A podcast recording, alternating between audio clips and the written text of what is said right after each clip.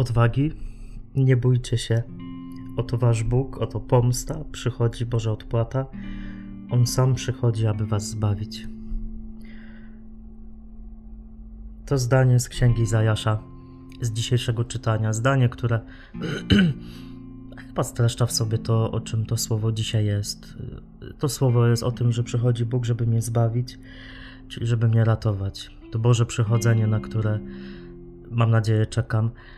To Boże przychodzenie, które dokonuje się w każdej sekundzie mojego życia, a ostatecznie dokona się śmierci. To Boże przychodzenie jest po to, żeby mnie ratować. Posłuchaj proszę Ewangelii, Ewangelii o ratunku, Ewangelii o uzdrowieniu. Posłuchaj proszę historii człowieka, który bardzo tego zbawienia potrzebował i go doświadczył. Pewnego dnia, gdy Jezus nauczał, siedzieli przy tym faryzeusze i uczeni w prawie, którzy przyszli ze wszystkich miejscowości Galilei, Judei i Jerozolimy, a była w nim moc pańska, że mógł uzdrawiać. Wtem jacyś ludzie, niosąc na łożu człowieka, który był sparaliżowany, starali się go wnieść i położyć przed nim. Nie mogąc z powodu tłumu w żaden sposób przynieść go, wyszli na płaski dach i przez powałę spuścili go wraz z łożem w sam środek przed Jezusa. On, widząc ich wiarę, rzekł: Człowieku, odpuszczają ci się twoje grzechy. Na to uczeni w piśmie i faryzeusze poczęli się zastanawiać i mówić: Któż on jest, że śmie mówić bluźnierstwa? Któż może odpuszczać grzechy prócz samego Boga? Lecz Jezus przejrzał ich myśli i rzekł do nich: Co za myśli nurtują w sercach waszych? Cóż jest łatwiej powiedzieć: Odpuszczają ci się twoje grzechy? Czy powiedzieć: Wstań i chodź? Lecz abyście wiedzieli, że syn człowieczy ma na ziemi władzę odpuszczania grzechów, rzekł do sparaliżowanego: Mówię ci, wstań, weź swoje łoże i idź do domu. I natychmiast wstał wobec nich, wziął łoże, na którym leżał, i poszedł do domu, wielbiąc Boga. Wtedy zdumienie ogarnęło wszystkich, wielbili Boga i pełni bojaźni mówili: Przedziwne rzeczy widzieliśmy dzisiaj.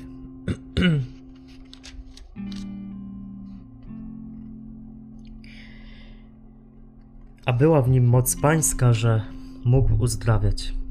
To jest dla mnie centralne zdanie tej Ewangelii dzisiaj. Zdanie, wokół którego krążą myśli moje i moje serce gdzieś tam się zatrzymuje. Pan Bóg jest Bogiem, który chce nas uzdrawiać, oczywiście, i nie po to nas stworzył, żebyśmy byli e, pogrążeni w ciemności, w cierpieniu. I to uzdrowienie u każdego pewnie inaczej wygląda i ma swoje etapy. Często to jest bardzo długi proces. To tylko Pan Bóg wie, dlaczego niektórzy doznają uzdrowienia od razu, szybko, niby to szybko, a niektórzy dopiero doznają później, albo w ogóle, przynajmniej w tej materii fizycznej. E, jest taka przestrzeń uzdrowienia, której na pewno możemy być pewni, i Jezus sam dzisiaj wskazuje, że Bóg, który przychodzi z mocą, przychodzi po to, żeby uzdrawiać moje serce. Popatrz, że Jezus zaczyna ten proces uzdrowienia tego anonimowego człowieka e, nie od ciała, nie od jego paraliżu e, nóg czy całego ciała, ale zaczyna od serca. Jest bardzo ważny szczegół, że Bóg pokazuje, że to serce jest źródłem wszystkiego, że jeśli moje serce nie będzie uzdrowione, to nawet gdybym miał nogi sportowca i, i biegał jak gazela, to to nic mi nie da, to, to, to mi nic nie pomoże. To moje serce jest źródłem moich chorób, moich e, smutków, tego, że patrzę w zły sposób na świat, na siebie, na drugiego człowieka. I Pan Bóg przychodzi teraz w tej medytacji, w tym słowie, po to, żeby uzdrowić Twoje serce i daje takie dwie wskazówki. E, co robić, żeby to uzdrowienie się dokonywało ciągle, bo uzdrowienie to też jest proces. To nie jest tak, że stryknie Pan Bóg palcami i wszystko jest już ok. Pro, uzdrowienie to jest proces trwania przy Bogu i on wymaga czasu, wymaga zaangażowania. E, I pierwszą taką wskazówką, którą Jezus daje, co robić, żeby doświadczać uzdrowienia, to jest to, żeby zobaczyć właśnie, że to moje serce jest źródłem mojego paraliżu. A dalej, co sprawiło, że moje serce tkwi w paraliżu? Jezus odpuszcza temu człowiekowi, tutaj dygresja, to, że on nie ma imienia, to, że jest jakiś taki jakby blady, nie wiemy nic o jego historii, to jakoś łatwiej pomaga nam się z nim utożsamić. Jezus uzdrawia jego serce i odpuszcza mu grzechy. W przypadku tego człowieka to jego grzechy były powodem jego paraliżu.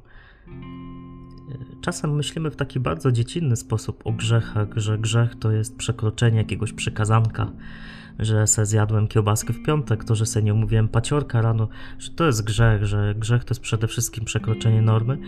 Też, ale nie przede wszystkim. W języku greckim grzech oznacza nie trafić do celu, więc grzech to jest taki sposób życia, taki sposób myślenia, taki sposób działania, który jest destrukcyjny, który robi krzywdę mi i robi krzywdę innym. I taki sposób życia, właśnie grzeszny, może sprawić, że jestem jak sparaliżowany. Myślę, że pod ten paraliż też można podciągnąć wszystkie nasze lęki, nasze problemy, jakieś e, złe emocje, złe w sensie trudne, nieprzyjemne jest wiele rzeczy, które powodują w nas paraliż i że, że jesteśmy jak właśnie taki ktoś, kto leży i się ruszyć nie może. No i to jest takie pytanie, które stawia mi to słowo dzisiaj. Co spowodowało paraliż mojego serca? Co tam mi w sercu siedzi, że jestem jak sparaliżowany? I, i, my jesteśmy mistrzami w tym, żeby przed tym uciekać, żeby to zasłaniać, żeby ukrywać sami przed sobą prawdę. No ale trzeba dzisiaj się z tym skonfrontować znowu. Myślę, że ten człowiek, którego tam przynieśli, on dobrze wiedział, co się w jego życiu wydarzyło. Nie jest w stanie o tym powiedzieć, ale Jezus dobrze wie, co się wydarzyło w jego życiu. Tylko on i Jezus to wiedzą. Może nawet ci jego tam kumple, którzy go przynieśli, nie wiedzą, co się wydarzyło, ale Jezus wie.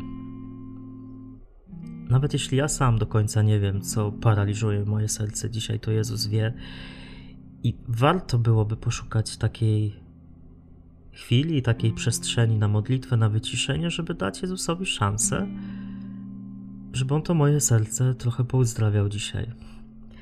Ten człowiek milczy. Milczenie to jest znak ciszy, to jest wejście w jakąś samotność, w jakąś e, ciszę, właśnie. Ten człowiek był zmuszony do ciszy, ale właśnie ta cisza sprawiła, że doznał uzdrowienia, spotkał się z Jezusem tam w głębi swego serca. Co mi paraliżuje serce dzisiaj? I druga rzecz. Jeśli chcę doznawać Bożego uzdrowienia, to no muszę przygotować się na straty, na jakiś wysiłek, na jakieś zaangażowanie. To jest szczegół, który chyba pierwszy raz w tej historii jakoś tak mnie dotknął. O tym człowieku nie ma tutaj ani słowa, ale no ten dom, w którym przebywa Jezus razem e, z faryzeuszami uczonymi w piśmie, ten dom do kogoś należał. I ten ktoś poniósł niezłą stratę, żeby ten człowiek na noszach doznał uzdrowienia, no bo przyszli ludzie z chłopem na noszach i rozebrali mu chałupę, rozebrali mu dach. On wyglądał trochę inaczej niż te nasze, to już mniejsza o to szczegóły, ale no jednak wymagało to to, żeby rozwalić, rozwalić e, dach, rozwalić sufit. To, to musiało niesamowicie wyglądać i tak tylko sobie mogę wyobrazić, co sobie myślał właściciel tego mieszkania. Strata. Żeby było uzdrowienie, musi być też jakaś strata żeby Kościół się uzdrowił dzisiaj, to musi też, też coś stracić. I powiem Wam, to będzie taka moja wielka prywata, ale pozwolę sobie tym, się tym podzielić, bo to mnie wkurza. Wiele rzeczy mnie w Kościele denerwuje. Wczoraj szanowny, w cudzysłowie szanowny ojciec, dyrektor powiedział na kazaniu, kazaniu z okazji tam jakiejś rocznicy Radia Maryja, że biskup Janiak to jest współczesny męczennik itd. itp. No po prostu ręce opadają. I siedzi tam wielu biskupów, siedzi wielu księży i jeszcze wszyscy brawo biją. Tak sobie pomyślałem, że to słowo dzisiaj to jest słowo właśnie też do takich sytuacji, że my się boimy w kościele stracić twarz, boimy się stracić pewną pozycję i trzymamy się tego kurczowo i tak udajemy, nie ma problemu, nic się nie dzieje, jakby w ogóle o co chodzi. Tylko im dłużej tak będziemy robić, tym nasz stan będzie gorszy. I wkurza mnie to. A może dlatego mnie wkurza, bo sam tak mam? Może dlatego mnie to wystąpienie ryzyka tak wczoraj wkurzyło i dzisiaj wkurza, bo też pokazuje, że w sumie mi też nie jest daleko do takiej postawy udawania, że hej, jest dobrze. Hej, nie muszę tracić przecież nic. Już bo Bóg i tak mnie kocha. Że jakoś to będzie. No nie, kochani. Chcąc doznać Bożego uzdrowienia, musimy się gdzieś tam przygotować na jakieś straty, na stratę czasu, stratę dotychczasowej mentalności, stratę może i pozycji, nawet zrozumienia ludzi, stratę własnych oczekiwań, własnego planu na uzdrowienie. To Jezus uzdrawia, a nie moja koncepcja na uzdrowienie mnie uzdrawia. To jest wezwanie, żeby dzisiaj prosić Jezusa o uzdrowienie serca, żeby moje serce chciało też tracić.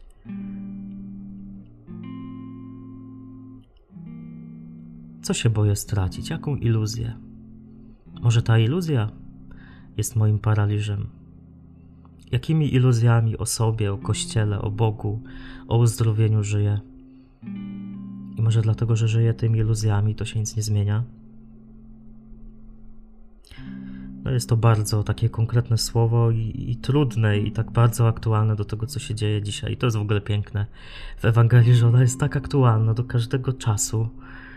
To jest tylko dowód na to, że Bóg działa przez to słowo.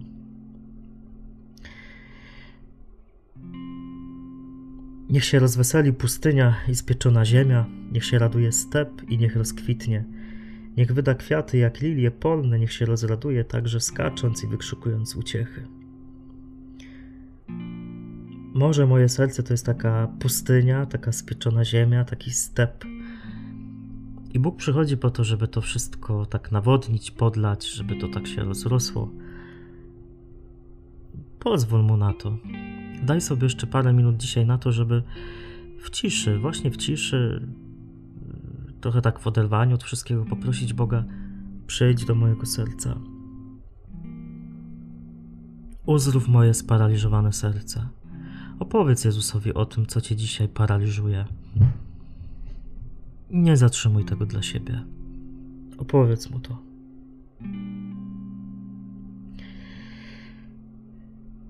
A na dobrą noc, na dobre sny i na dobry początek dnia, bo wiem też, że niektórzy słuchają tego nad ranem nawet.